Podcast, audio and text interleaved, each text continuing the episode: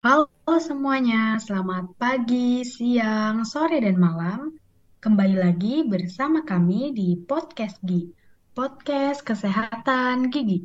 Dengan saya, Nur Levina Lestari, yang pastinya dari jurusan Kesehatan Gigi Poltekkes Kemenkes Jakarta 1, yang akan menemani kalian selama beberapa menit ke depan. Di episode 8 ini, kita akan sharing session dengan universitas luar jurusan kesehatan gigi. Apa aja sih yang akan kita bahas kali ini? Nah, penasaran kan? Tetap stay tune terus di podcast Kesehatan Gigi. Yuk, simak dan langsung dengarkan dari pembicara kita. Halo Kak Sinta, apa kabar hari ini?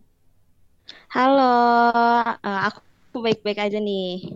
Kamu gimana kabarnya? Pastinya baik dong, Kak. Nah, sebelum bincang-bincang seru, boleh dong, Kak, perkenalan terlebih dahulu agar teman-teman tahu siapa sih pembicara kita episode kali ini. Oke, hmm, halo semuanya. Sebelumnya perkenalin, nama aku Sinta Lutfia Mutaharoh, biasa dipanggil Sinta. Aku sekarang semester 4 di dari Prodi Teknik Telekomunikasi di Institut Teknologi Sumatera. Oke, Kak Sinta. Kita langsung ke pertanyaannya aja ya, Kak. Iya, boleh.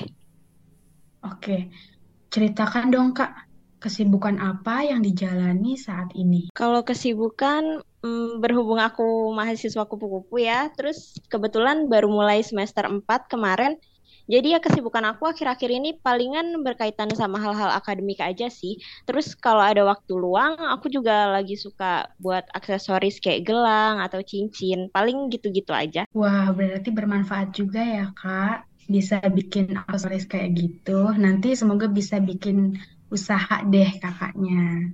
Wah, amin, amin.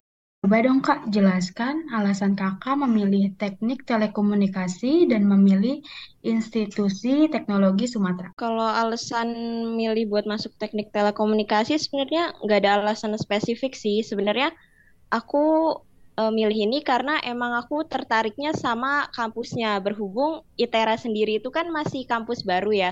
Jadi aku penasaran. Terus pas lagi nyari-nyari program studi yang ada di sana, terus ketemulah program studi ini, Teknik Telekomunikasi yang aku sendiri juga jarang denger gitu loh jadinya milih buat masuk prodi ini aja gitu. Berarti masuk jurusan ini karena belum banyak yang denger ya, Kak? Iya, betul. Sekalian coba-coba gitu. Ini sih coba-coba berhadiah, Kak, namanya. Oh ya, Kak. Apa saja sih yang dipelajari di jurusan teknik telekomunikasi? Kalau yang dipelajarin di jurusan teknik telekomunikasi sendiri itu pastinya berkaitan sama hal-hal telekomunikasi kayak misal sistem komunikasi jaringan, terus ada pengolahan sinyal, kita juga belajar elektronika, rangkaian listrik, ada sistem digital, terus kita juga belajar tentang pemrograman dan masih banyak lagi yang kalau aku sebutin satu-satu pasti bakal panjang banget sih. Banyak juga ya, Kak. Tapi di teknik telekomunikasi itu belajar matematika nggak sih, Kak? Wah, matematika itu dasarnya sih, pasti belajar. Nah, Kakak sendiri nih, suka nggak sama pelajaran matematika atau dihindari? Aduh, sejujurnya nih ya, aku tuh bener-bener ngehindarin pelajaran yang berkaitan sama sains kayak matematika, fisika. Tapi ujung-ujungnya malah nyemplung ke sini. Malah ini ya, Kak, lebih parah ya. Ya, betul. Ya. Ini dong Kak, jelaskan dong suka duka kuliah di jurusan teknik telekomunikasi. Kalau sukanya pasti karena di sini tuh aku benar-benar belajar hal-hal yang baru banget. Yang sebenarnya tuh aku nggak tahu seluk-beluknya awalnya gimana. Tapi di sini aku belajar hal-hal itu kayak misalkan ngebuat alat, ngerangkai-rangkai kabel gitu. Itu tuh benar-benar hal yang baru buat aku. Tapi rasanya seru gitu loh pas dijalanin itu sih sukanya. Terus kalau dukanya palingan karena aku ngerantau ya di sini. Jadi tuh rasanya kadang suka kangen rumah, kangen masakan ibu. Paling dukanya itu-itu aja sih. Kalau duka dalam perkuliahannya nih Kak, apa aja? Kalau duka dalam perkuliahannya sih palingan karena itu aku sebenarnya lemah di fisika gitu. Tapi ini dasarnya malah perlu fisika. Jadinya ya agak susah gitu loh ngimbanginnya. Selain itu Kayaknya aku enjoy-enjoy aja deh. Berarti kakak hebat nih bisa menerobos ketidaksukaan kakak ya. Wow, makasih. Nah, Kak, kan anak kuliahan itu sibuk banget ya, dan pastinya banyak tugas, dan kadang eh, nyari waktu senggang tuh susah banget. Nah, kakak sendiri nih, seberapa sering sih melakukan pemeriksaan ke dokter gigi? Wah, kalau itu sih ya, sejujurnya nih ya, aku jarang banget periksa ke dokter gigi. Malah kayak aku lupa gitu loh kapan terakhir kali aku ke dokter gigi. Padahal kan harusnya rutin ya, tapi ya itu aku jarang ke dokter gigi. Iya, Kak, sebaiknya tuh ke dokter gigi per enam bulan sekali, biar keadaan gigi kakak tuh dicek, walaupun eh, nggak dalam keluhan apa pun. Oh, aku kira kalau ke dokter gigi itu cuman kalau pas sakit aja gitu loh. Ternyata enggak ya. Enggak dong, Kak. Tapi emang rata-rata eh, semua orang begitu sih, Kak. Nunggu sakit dulu, pasti baru berobat. Tapi lebih baik tuh eh, mencegah kan, Kak, daripada harus mengobati. Betul, betul. Nah, menurut Kakak nih, penting gak sih menjaga kesehatan gigi dan mulut? Penting dong, pastinya penting banget. Aku tuh kayak dulu pernah dengar kalimat yang bilang kalau kayak lebih baik sakit hati daripada sakit gigi. Nah, itu tuh bener banget. Karena aku pernah sakit gigi yang sampai sakitnya tuh bikin lemes sebadan-badan gitu loh, sampai tangannya sendiri tuh nggak bisa bergerak karena sakit gigi yang menjalar ke mana-mana dan itu sangat amat mengganggu. Makanya kita benar-benar perlu buat ngejaga kesehatan gigi dan mulut. Benar banget, Kak. Soalnya aku juga merasakan nih, pernah merasakan rasanya sakit gigi itu benar-benar bikin pusing, aktivitas bikin nggak uh, fokus. Nah, uh, makanya Kak, menjaga kesehatan gigi dan mulut itu sangat penting karena gigi dan gusi yang rusak tidak dapat dirawat akan menyebabkan rasa sakit, gangguan pengunyahan, juga dapat mengganggu kesehatan tubuh lainnya. Apalagi ya Kak, kayak kita-kita nih yang lagi sibuk-sibuknya mengejar gelar, jangan sampai giginya rusak karena bisa mengganggu proses kuliah nih. Oh ya Kak, ini nggak kalah penting loh, tapi terkadang orang menyepelekan mengenai gosok gigi nih. Kalau kakak sendiri gosok giginya sehari berapa kali? Dan biasanya kakak gosok gigi di waktu kapan nih? Kalau masalah gosok gigi, aku kadang sekitar dua atau tiga kali sehari. Yang pertama itu pas pagi-pagi setelah bangun tidur. Terus yang kedua, misalkan aku kan mandinya siang. Jadi pas mandi siang aku sikat gigi lagi. Terus sama terakhir malam. Kalau malam tuh eh, pas mandi atau sebelum tidur nih kak? malamnya itu sebelum tidur. Oke, jadi Kak, baiknya itu sikat gigi kan minimal sehari dua kali ya. E, paginya setelah sarapan dan malam sebelum tidur. Itu bagusnya, Kak. Nah, Oh, iya Kak, karena dengan menyikat gigi sehari dua kali itu e, dapat membantu mengangkat sisa-sisa makanan atau minuman yang menempel di gigi. Nah, dengan sikat gigi bisa mencegah pembentukan plak gigi. Plak gigi ini merupakan lapisan lengket atau bening pada permukaan gigi. Kalau nggak dibis- dibersihin, bisa menjadi karang gigi. Pasti setiap orang punya karang gigi kan? Nah, maka dari itu harus periksa ke dokter gigi per enam bulan sekali untuk dicek nih keadaan gigi kita seperti apa.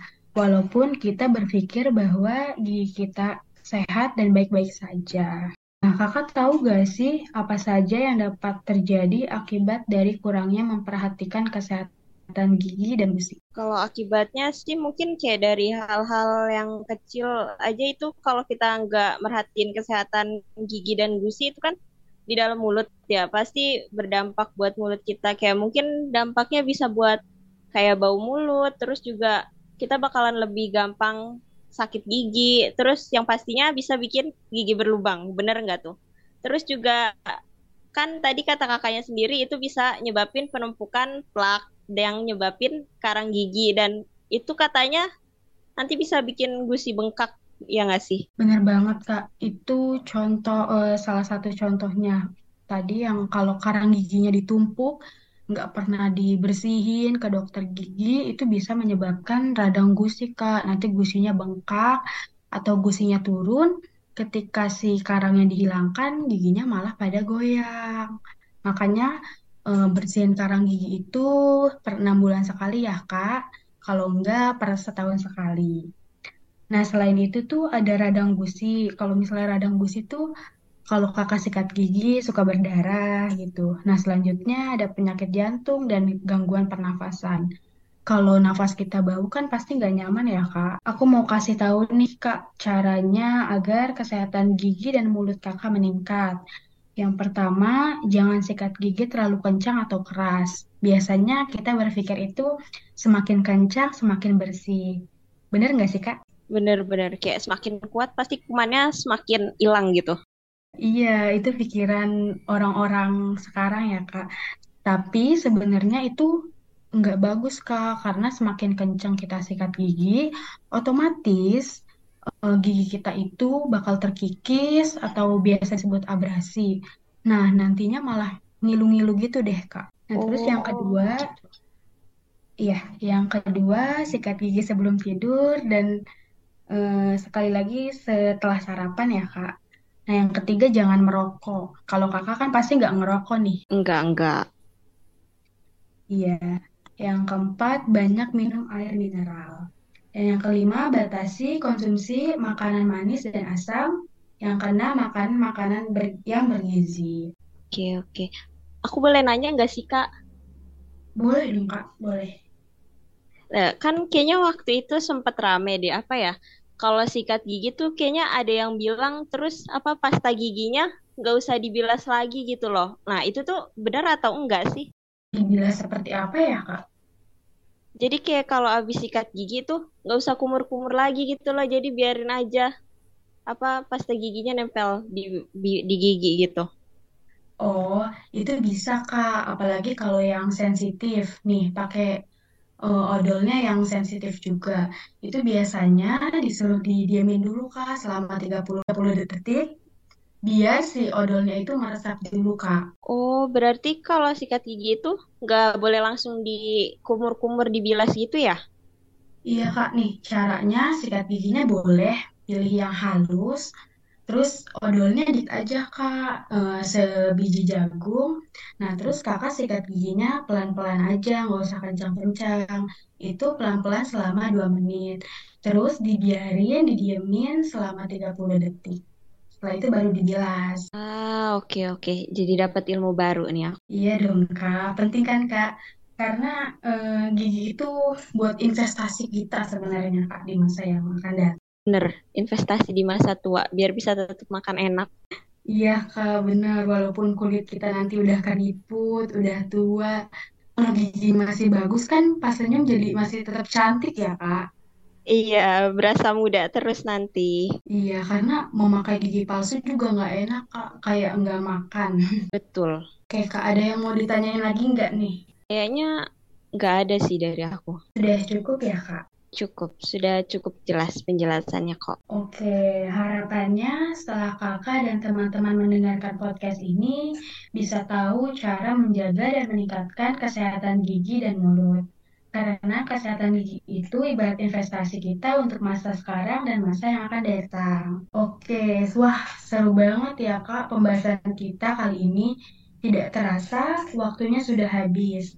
Mungkin untuk penutup podcast Gi kali ini dari kakak eh, dipersilahkan untuk memberikan pesan-pesan atau closing statement untuk teman-teman pendengar setiap podcast Gi di rumah. Yang pertama makasih banget sih karena udah diundang ke podcast ini jadi nambah pengetahuan baru nih buat aku. Makasih banget buat waktunya juga udah sharing-sharing kita. Terus kalau buat pendengar pastinya ya jangan lupa sikat gigi dengan teratur dan jaga kesehatan gigi dan gusi. Oke, teman-teman, tuh apa kata Kak Sinta? Jaga kesehatan gigi dan sikat gigi yang teratur. Jangan lupa. Oke, banyak banget ya ilmu yang kita dapat. Sebelumnya terima kasih ya Kak Sinta. Ya, terima kasih kembali. Ya, sudah bersedia diundang di podcast Gi kali ini. Semoga di podcast Gi episode kali ini dapat bermanfaat bagi kita semua ya. Oke, demikian podcast Gi kali ini. Saya Nurlevina Fikavia Lestari, pamit undur diri. Sampai jumpa di episode podcast Gi selanjutnya. Terima kasih semuanya.